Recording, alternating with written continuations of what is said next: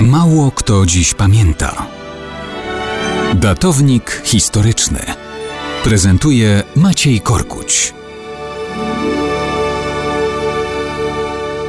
Mało kto dziś pamięta, że 25 marca 717 roku na tronie cesarskim w Konstantynopolu zasiadł Leon III. Nazywany był Izauryjczykiem i stał się założycielem dynastii izauryjskiej, choć z filmową niewolnicą Izaurą bynajmniej nie miał nic wspólnego. Doskonale zresztą Państwo wiecie, że na filmy, czyli ruchome obrazy, świat musiał jeszcze czekać ładnych tysiąc kilkaset lat, ale obrazy nieruchome już były i pytanie o nie stało się jednym z głównych motywów panowania cesarza Leona III, bo z jednej strony zasłynął on jako pogromca Arabów, który zahamował na tym etapie ich ekspansję przeciw Bizancjum. Z drugiej strony przeszedł do historii jako twórca ruchu religijnego w świecie chrześcijańskim zwanego ikonoklazmem, czyli obrazobórstwem.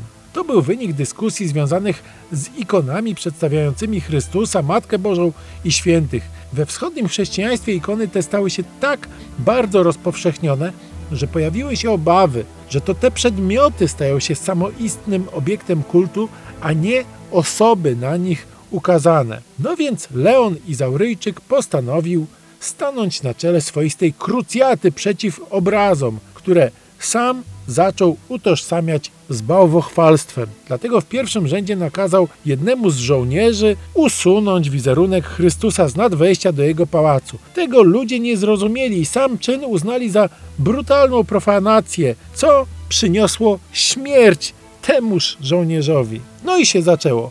W Grecji wprost rozpoczął się bunt antycesarski przeciw Leonowi. Tam przywiązanie do ikon było jeszcze większe niż w innych częściach Bizancjum. Kiedy okazało się, że obrazobórcy nie mogą uzyskać popularności w całym państwie, Leon postanowił narzucić ikonoklazm siłą. To oznaczało masowe niszczenie świętych obrazów, a także represje wobec opornych. Stąd przez Bizancjum przetoczyła się fala agresji i nienawiści powiązanej z niszczeniem obrazów i jakichkolwiek wizerunków Chrystusa, Matki Boskiej i świętych. To bynajmniej nie pomogło w utrzymaniu autorytetu Leona III Izauryjczyka.